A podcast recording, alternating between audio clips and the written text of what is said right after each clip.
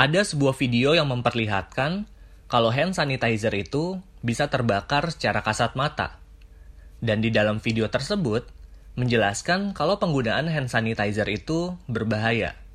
Dikarenakan kandungannya yang mudah terbakar. Dan pembuat video menganjurkan kepada kita untuk lebih memilih cuci tangan dengan sabun ketimbang menggunakan hand sanitizer. Well, for your information, kalau kalian cek tentang informasi keamanan produk hand sanitizer merek apa pun, di bagian informasi keamanan udah dikasih tahu kalau produk ini mudah terbakar dan harus dijauhkan dari api.